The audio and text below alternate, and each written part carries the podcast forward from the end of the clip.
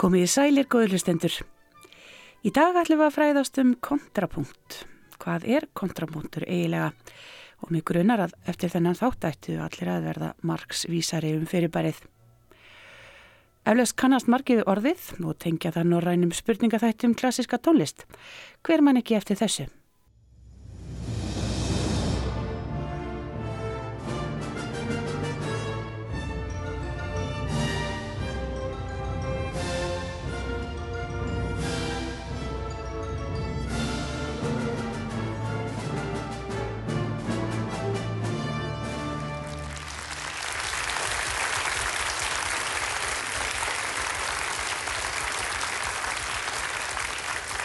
Välkomna kära tittare till det nordiska musikprogrammet Kontrapunkt.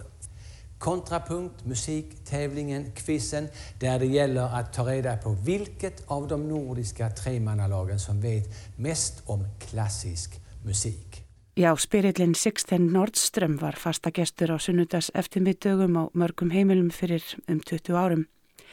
En ég tók einn lítinn rúnd um vinnustæðin með upptökutæki og spurði nokkra kollega mína hvort þeir vissu hvað kontrapunktur væri.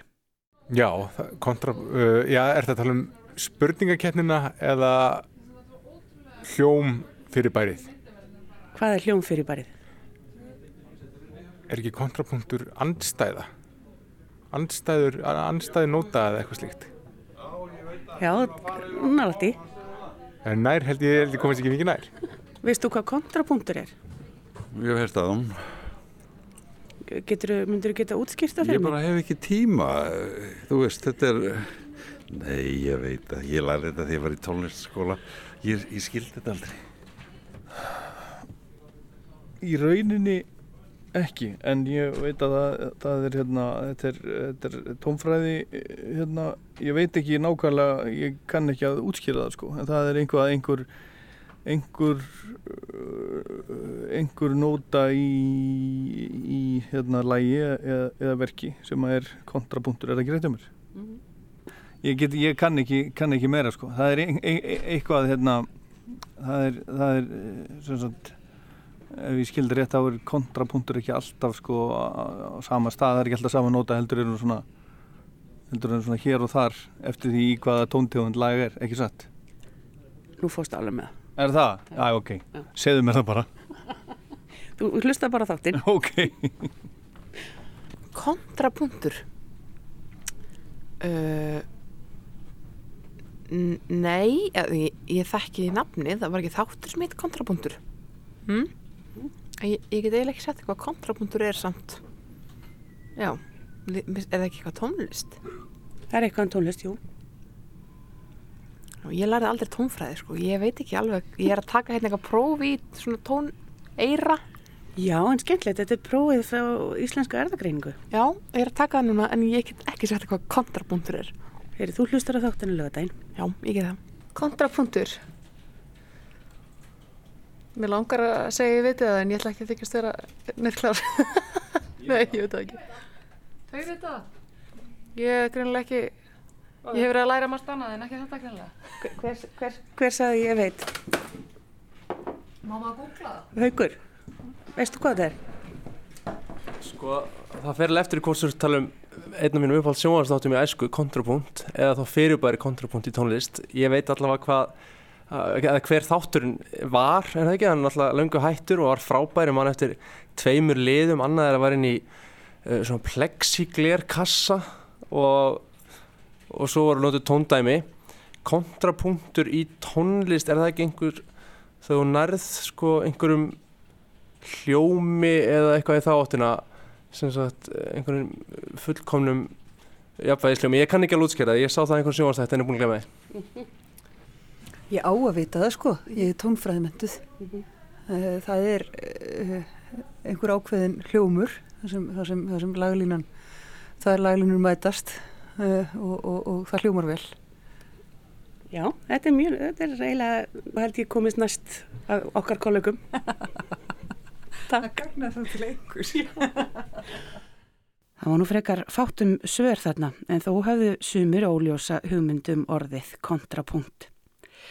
En einn er sá sem veit ímislegt um málið og það er Guðmundur Hafstinsson tónskáld sem kendi meðal annars um tíma kontrapunkt við tónlistaskólinni í Reykjavík, meðal annars þáttastjórnanda.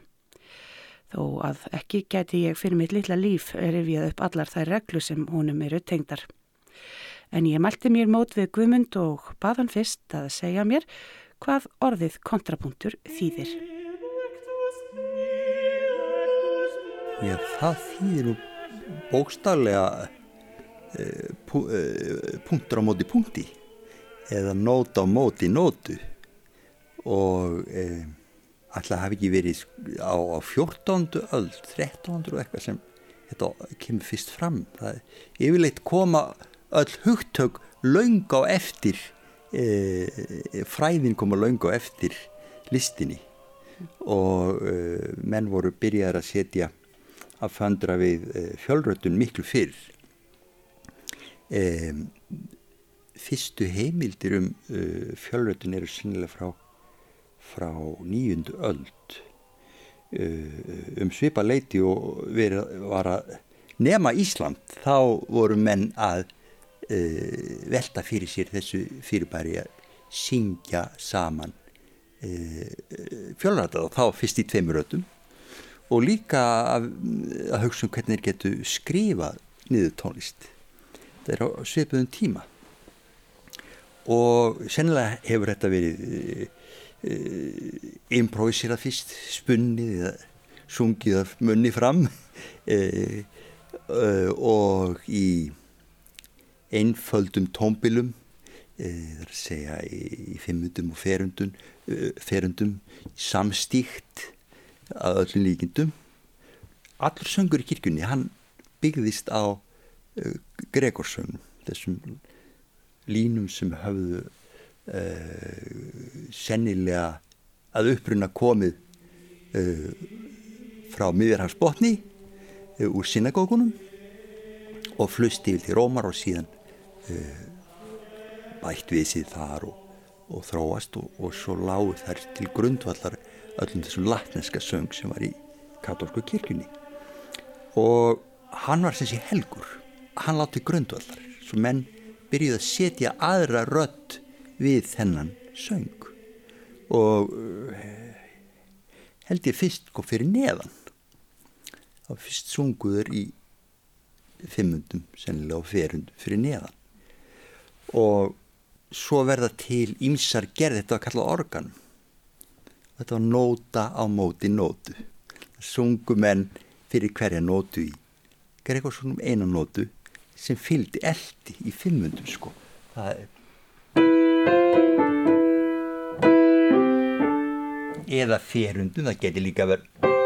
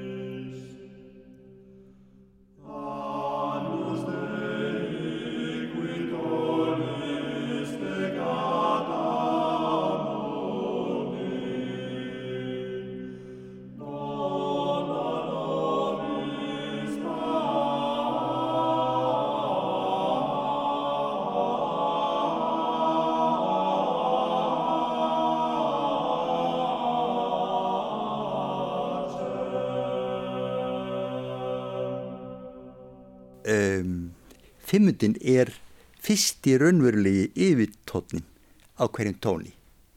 Tótn er um, reglubundin bilgja í einhverju, einhverju efni. Uh, getur verið allt mögulegt. Uh, getur verið glas eða strengur eða einhver hlutur bara sem uh, nötrar með ákveðinni bylgjulengt þess að hún er re reglulegt og hverjum tóni eru yfir, hver tónir er unni hlómur og hluturinn hann, hann nötrar eða titrar í grunntónunum sem er einn alda. Og svo er helmingurna því. Það er þá tvær bylgir fyrir, fyrir grunntónin og svo er eitt þriði af því. Og þannig er þá þessi eina bylgja, hún hefur yfir sér bylgi sem er þrjár bylgjur. Og það er fimmundin. Og svo hefur, og svo ofan það er fjórar bylgjur það er tvöfald áttund. Þannig að þá er þetta eitthvað, eitthvað svona. Þetta er þessi þetta er, þetta er sem sé uh, fjórum sinnum hraðar. Og, og 1.50 Mm. er stóra þrýjandi og svo fyrsta raunverli yfir tónin er fimmundin. Og s- náttúrulega þá leita menn áttundin er svo einföld það er bara eins og það sama. Svo í fimmundina þá er það eitthvað sem bætist við. Svo sennilega er það þess vegna sem sem að leitið hann og svo náttúrulega ferundin er, er fimmundin bara með, með grundtónum fyrir ofan. En vantarlega hefur fólk ekki verið að spá í þessi vísindi, þetta hefur bara gerst, mm, ef maður segir náttúrulega. Já, sennilega sko, sennilega hafa menn sú- sungið kannski uh, bara í ár þúsunda því að rattirnar okkar liggja í mísefri hæð um, og konur og kallar hafa mísháa rattir og, og, og, og konur og konur og kallar og kallar þannig að þeir, það, eh, þessi einföldu tónbil hafa sennilega oft komið bara og uh, náttúrulega þegar menn sungu saman. En menn voru búin að pæla í tónbilunum eða þessi yfirtónum löngu, löngu áður. Og, og Píþargóras hann eh, hugsaði mikið um, um tónbilin. Þeirra, og, og yfirtónuna og svo þetta lág sennilega og það var talað um, uh, um, um tónlist í heiminn kvelana og þá er tölda plánuðunar reyðist í sömu hlutföllum og, og yfirtónanir ég held að það hafi verið hugmyndir um þetta og öruglega í kirkjunni því þar uh, og, og klaustrunum því þar var uh, mest tekking uh, svo mér finnst mjög líklegt að menn hafi hugleitt það líka. En e- eins og er alveg rétt að við leitum í þessi e, grundvallar hljóð, náttúrulega bara við finnum það. Um, svo eru endar og upphöf það ha- hafði líka mikið að segja. Það yfirleitt endaði þetta á þannig að þessi söngvar höfðu sem sé hendingar eða hlutirnir í uh, þeir enduðu á því að, rödd söng niður á frumtón tóntöfundurinnar sem er fyrsti tónin eða þá fór upp e, e, eitthvað eða eða niður litla þrýjum uh, og svo þegar þið fóru að syngja saman þá kannski gerður eða eða, eða þið voru tvær rættir saman. Og það væri þrýjund þá á, á einund eða og einundin væri þá uh, loka tótn eða og upphafstótn svo fara náttúrulega menna að gera sér meira og meiri grein fyrir tónbölunum og hvernig þau virka í samhengi. Og þeir fara að flokka þau og það einundin og áttundin sem einundin bara tveir tvær rættir sem syngja sama, sama tónin og áttundin þegar það er e, sami tónin hærra eða læra Þar, og svo reyna fimmundin. Kölluð fullkomin ómblíð og þerundin var líka fyrst ómblíð tómbil eh, maður sér það að þeirra var eh, en síðar er það talið ómstríkt í, mjög mörgum eh, hljóm þar að segja hvernig stendur með við bassan. Mm. sem fer út frá bassa ef, ef var ómstríð svo. En og tvíundirnar og sjöundirnar ómstríðar og svo öll stækkuð og miklu bílinn það var eina sem stækkuð og miklu sem kom til greina var tónskrattin eða stækkaða fjörundin eða mikkaða fimmundin. Þeir kalluðu það tónskratta sko, diabólus og, og það var slæmt að lendi í því.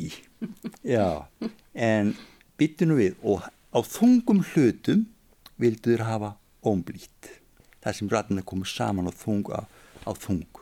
Og það var ekki fyrir sko, það var þá auðvitað í enda á öllu sem átti að vera alveg ómblít, það var það einundin eða áttundin eða fimmundin og og svo er það ófullkomnu ómblíðu tónbili sem voru þrýndin og sexundin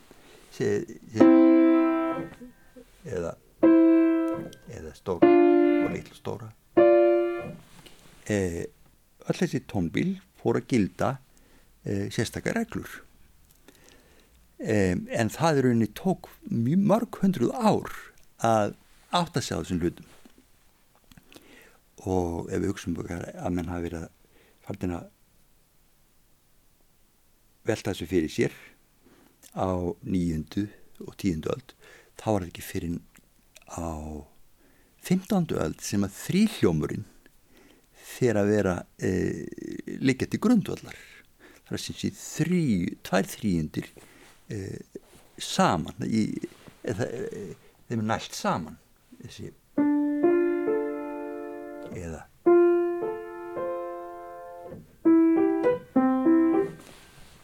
dúr og mólhljómur mm. það fyrir að leggja til grundvallar hljómsins í verkunum þetta tók sem sé mörg hundru ár að, að velta þessu að ná þessum tökum á þessu og það er ekki fyrir á svo á 16. öld sem að menn eru sem er kölluð gullöld fjölrötunar uh, í endurreysna tímabilið. Þá gildi orðið stranga reglur um meðferð á öllum ómstríðum tón hvar sem þeir koma. Og þá er músikin líka orðið mjög hún er mjög öguð og hún tær mjög heitt hljómur uh, já, hún er heiðrík sem passaði mjög vel inn í það sem uh, kirkjan vildi standa fyrir það séð aga og, og uh, tærleik og, og vissa fjarlæg líka. Uh, það var, það var tekstin var latína og fólk skildi það ekki almennt svo, og þetta var mikil vísindi á bakvið þetta. Allar þessar tónsmiðar það voru hálarið menni í þessu.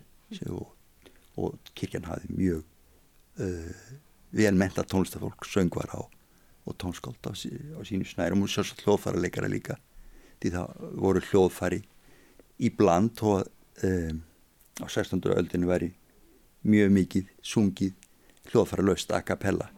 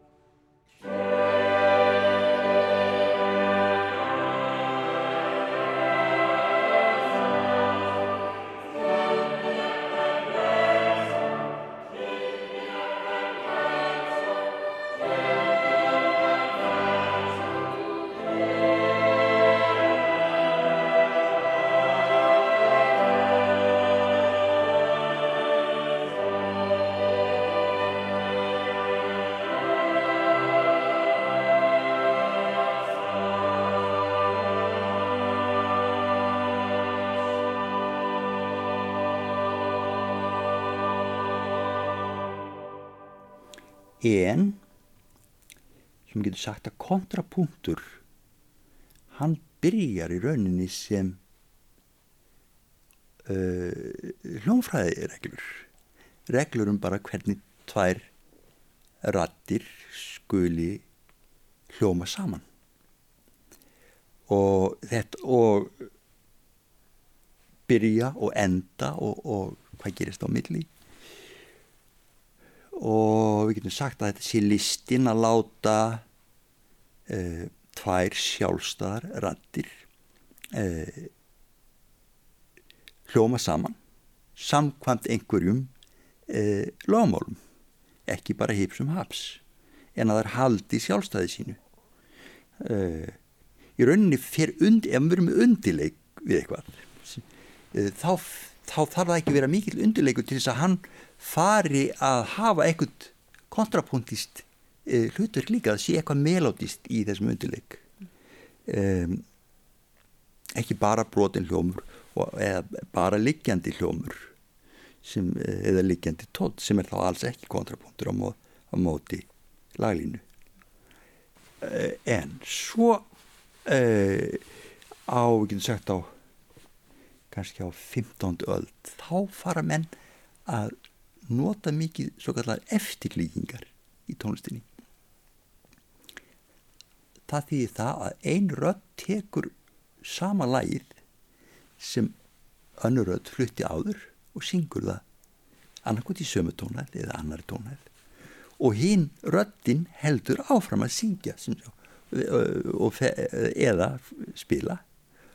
Og það þýðir það að röddinn sem heldur áfram verður að gera það samkvæmt einhverju einhverjum lögumálum einhver, til þess að það komi vel út Við erum að tala svona um eins og, eins og keðjusöng einhver keðjusöngur, akkurat mm. já.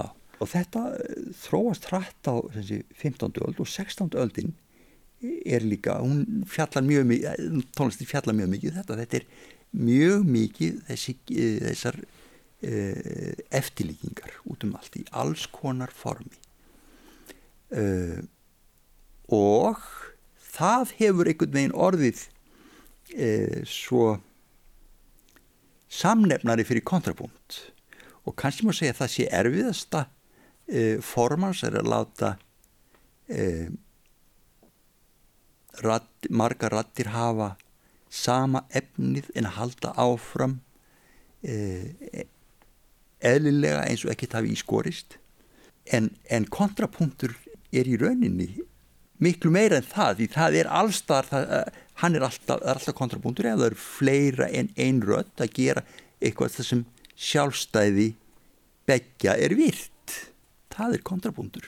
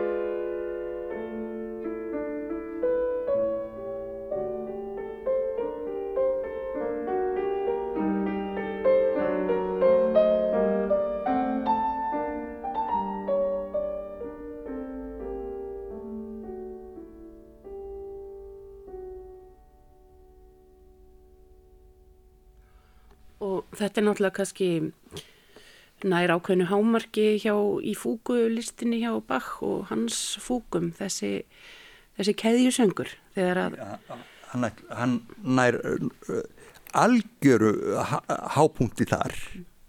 Uh, því, því að hann samdi svo margvíslegar fúgur uh, og margvíslega kanona þar að segja kanon er bara er keðjusöngur uh, af öllum mögulegum uh, tegundum en, en uh, það má segja að á, á 16. öldinni þá hafið þetta líka þetta voru geysilegi snillingar í þessu öllu þessu allir fjölröðunar tækni þó að það hefði ekki þennan dýnamíska kraft sem kemur svo inn í músíkina e, í barokkinu. Og með hljó, miklu hlóðfarleik og með e, þegar e, músíkin losnar úr sagt, ákveðnum viðjum kirkitóndöndina og forhlómurinn og ómustriðunar fara vera meira ráðandi sem þessi forhlóm sem leysist í leysist inn á frömhlóm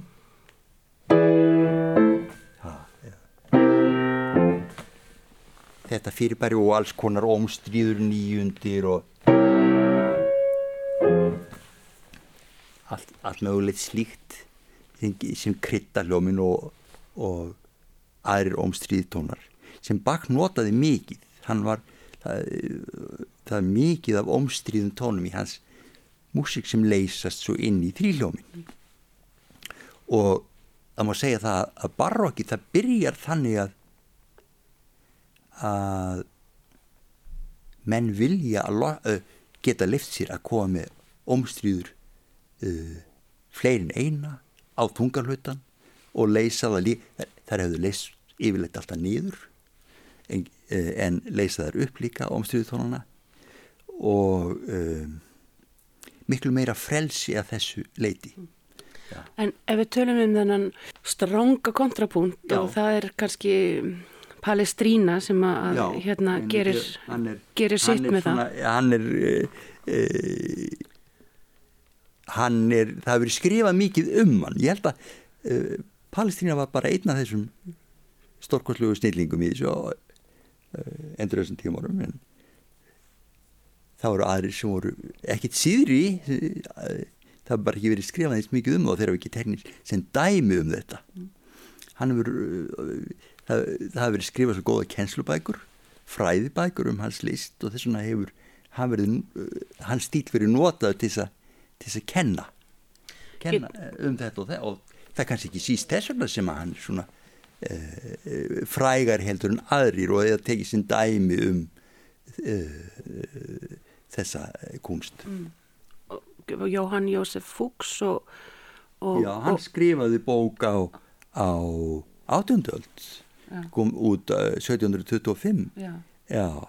Og, var, hann, og hún var kend svo lengi sko. Já. og Bach kendi hana með þessi og, og Haydn kendi hana og, og svo Mozart læriði í sangvatenni og Beethoven og um, fór eitthvað í hana. Um, og, og margir fleiri sko fór uh, kynnstenni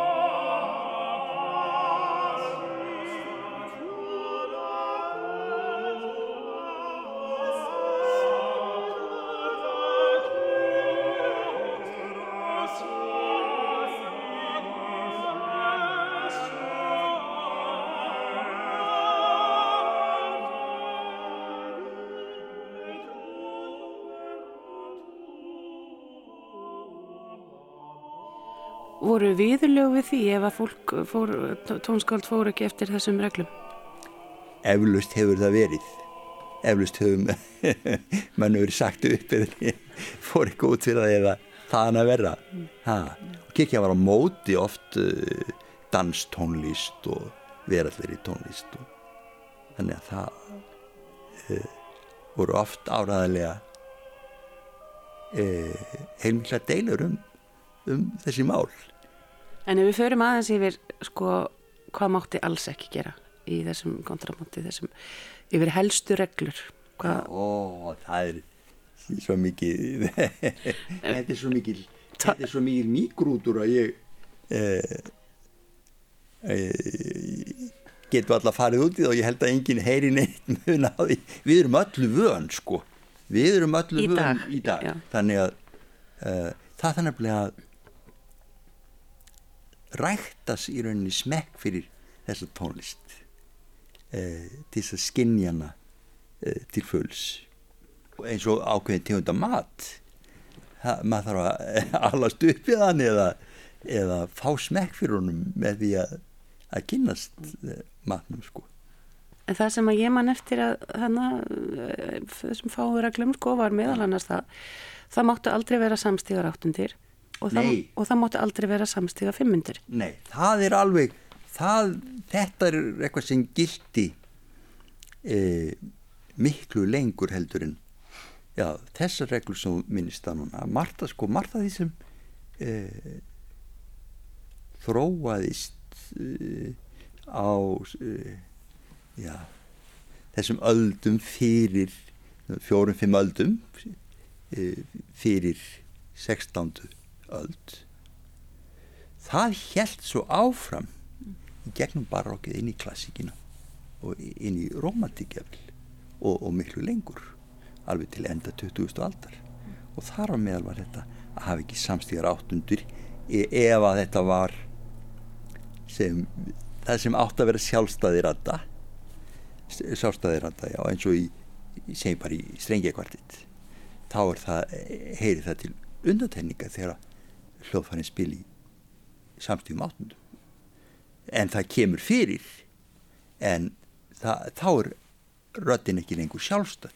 Þá er, er hljóðfærið ekki fara með sjálfstæða rödd lengur heldur er það ekki það sama. Og það var eins í hljóðfæramúsík og sunginni músík alveg allar götur. Það var ekki fyrir í lók 19. eldar að menn fara að lefa sér að, að vera með samstígar 500 í sko einhverju marki. Þau gert það svona ein og ein na, ein og eina hér og hvar sem þeir leifðu sér af einhverju sérstökum ástæðum En hér á, hér á landi sungu allir í samstíðum fimmundum. Já, tvísöngurinn, hann var eh, eftirlegu kind eh, á Íslandi frá þessu sem vorum að tala um eh, fyrstu eh, fjölrötuninni sko, organum, mjög líklega, já. Mína þá mun ég þenja vangi út. Ef að sjá einhver staðar mætti kút. Hverjum af aldrei þríti brenni vín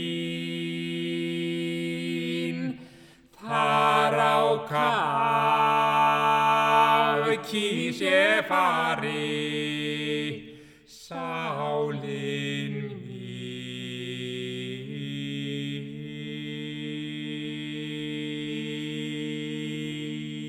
En þú, þú segir sko, náttúrulega tónskáld hafa lagt stund á kontrapú, námi kontrapunti, Já. þú sagðir Beethoven, Mozart. Haydn, allir. Já, alveg sko um, í þúsund ár sko. Og Beethoven náttúrulega semur þessa frægu grosse fúke í strengjakvartinu sínum. já, já, það var alveg ótrúlegur þáttur. Hann, ger, hann fekk mikið áhuga á kontrapunkti svona síðustu um, tíu árum æfi sínar, getur við sagt. Það hafði verið, samt hann hafði notað kontrapunkti í svona sem hvað var kallað fugato og það hafi verið alveg uh, gegnum gangandi að, að menn notuðu eftirlýgingar, þetta eru eftirlýgingar fugato er svona lítill fúgukabli mm -hmm. og þá koma rætinnar inn í, í með stefið hver og fætur annar og hann, þetta hafi komið fyrir oft hjá hann og hann hafði notað oft eins og, og Hædin gerði og Mozart gerði og hann, hann fór gegnum svolítið erfiðan tíma. Svona 1813 til kannski 17-18 og eftir það skoðaði hann við e, þá e, er eitt af þessum verkum sem hann, hann bríst út úr þessu að þessum feikna krafti og það er e, Hammerklavitsóndan opus 106 hann líkur henni á svakalegri fúku og þetta er engin engin venjuleg fúka sko en það hefði það ekkit hendað hans personuleika hans óstýriláta ímyndunarafli og, og svona uh, kraftmikla uh, tilfinningarlíf og það hendaði honum ekkit verið í einhverju svona penni uh, skólafúku sko. Svo hann gerir svona einhverja æðislega fúku sko. Svo, og með laungu stefi og þögnum og öllu þessu sem sem hérna var alls ekki það sem hafi týrkast áður. Þetta er svona ofsafengið og sem finnst erfitt að hlusta á þetta sko. En þetta er stórkoslega músík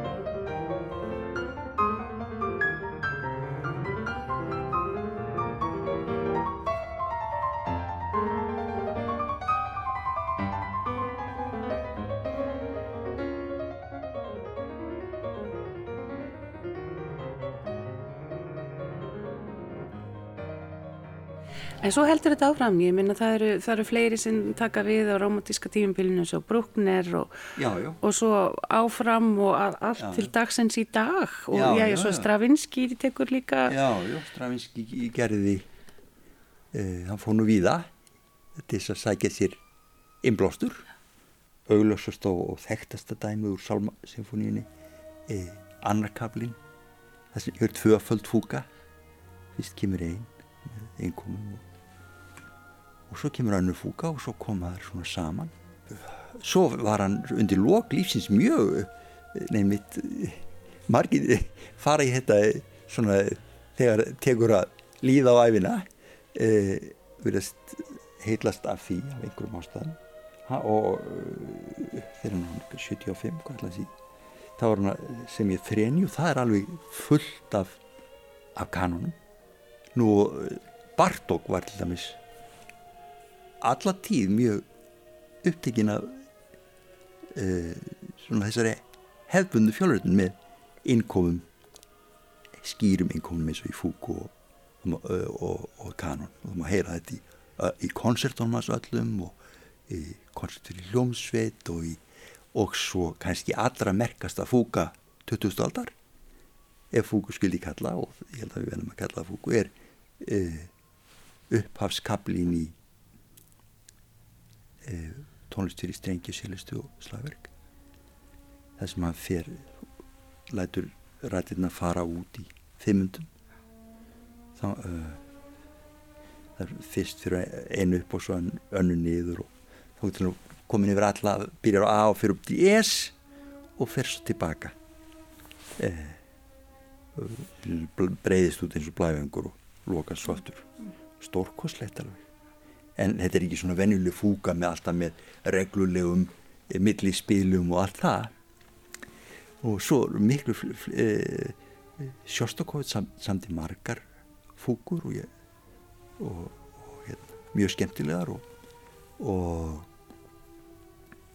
Messien hans, hans samti í þarna 20 hugleðingarum Jésúbarnið sem gerði líketi í, í rekveiminu sínu.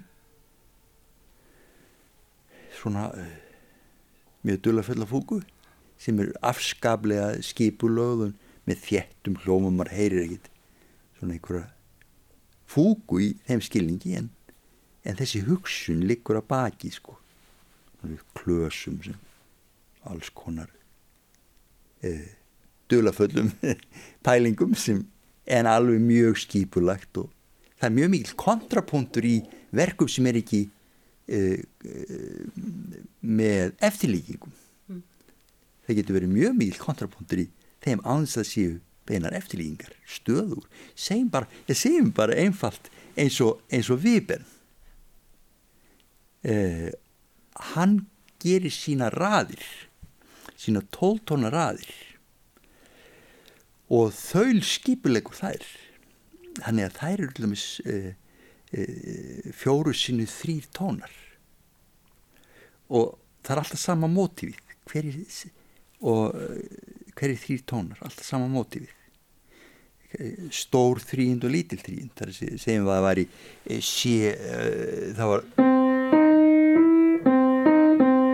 þetta mótíf og svo er músikinn svona hún er, maður heyrir þessi mótíf. Fyrsta mótíf er kannski svona, svo næsta mótíf speil afturvak að þessu. Svo kemur uh, speilmynd afturbak og speilmynd af einhver í músík er það, fer, það sem fer upp, fer nýður það, það væri þá það væri það svona.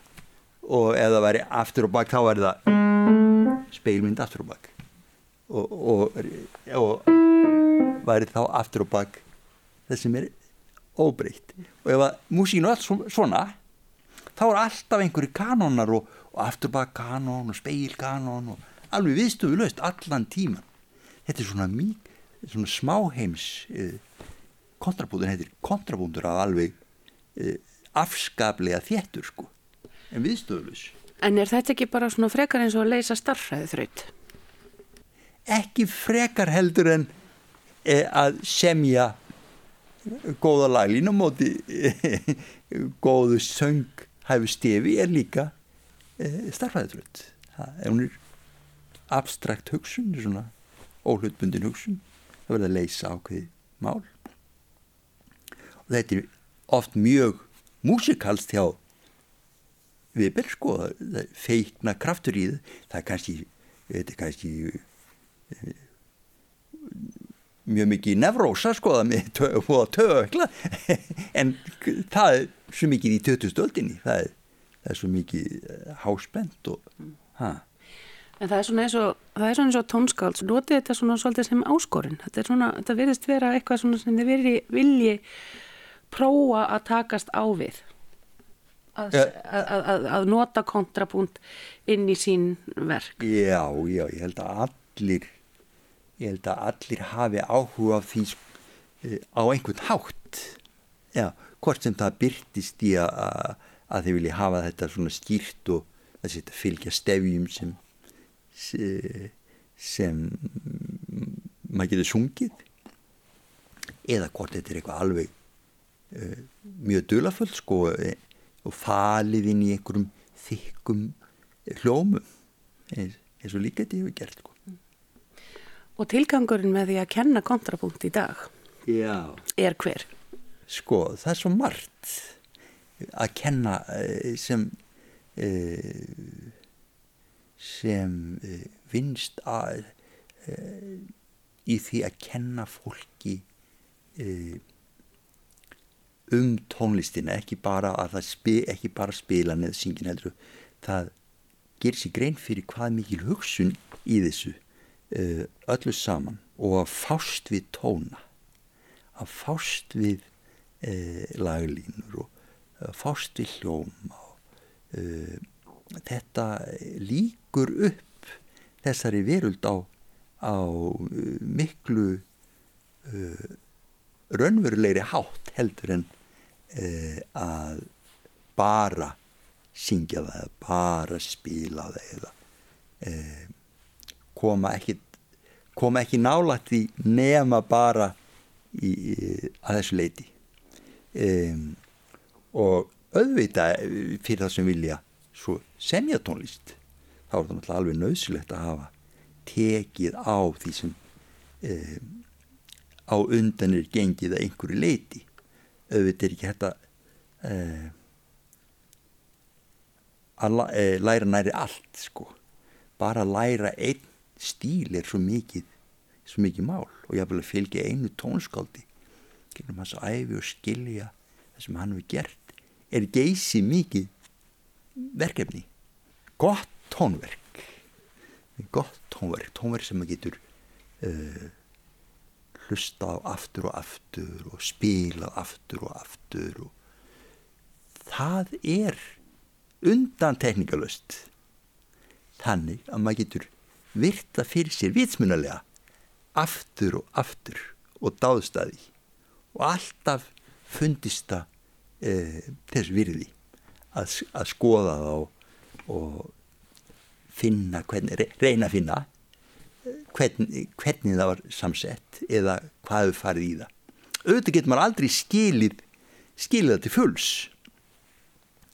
En maður getur bara reynd að skilja það sem hættir að skilja. Það, það getur engin uh, skili neistan sem verður uh, sem skapa listaverk. Það er dölið sko. Að nú geta menn uh, kunna jafn mikið og allt það en annar getur búið til eitthvað heilandi og hinn ekki.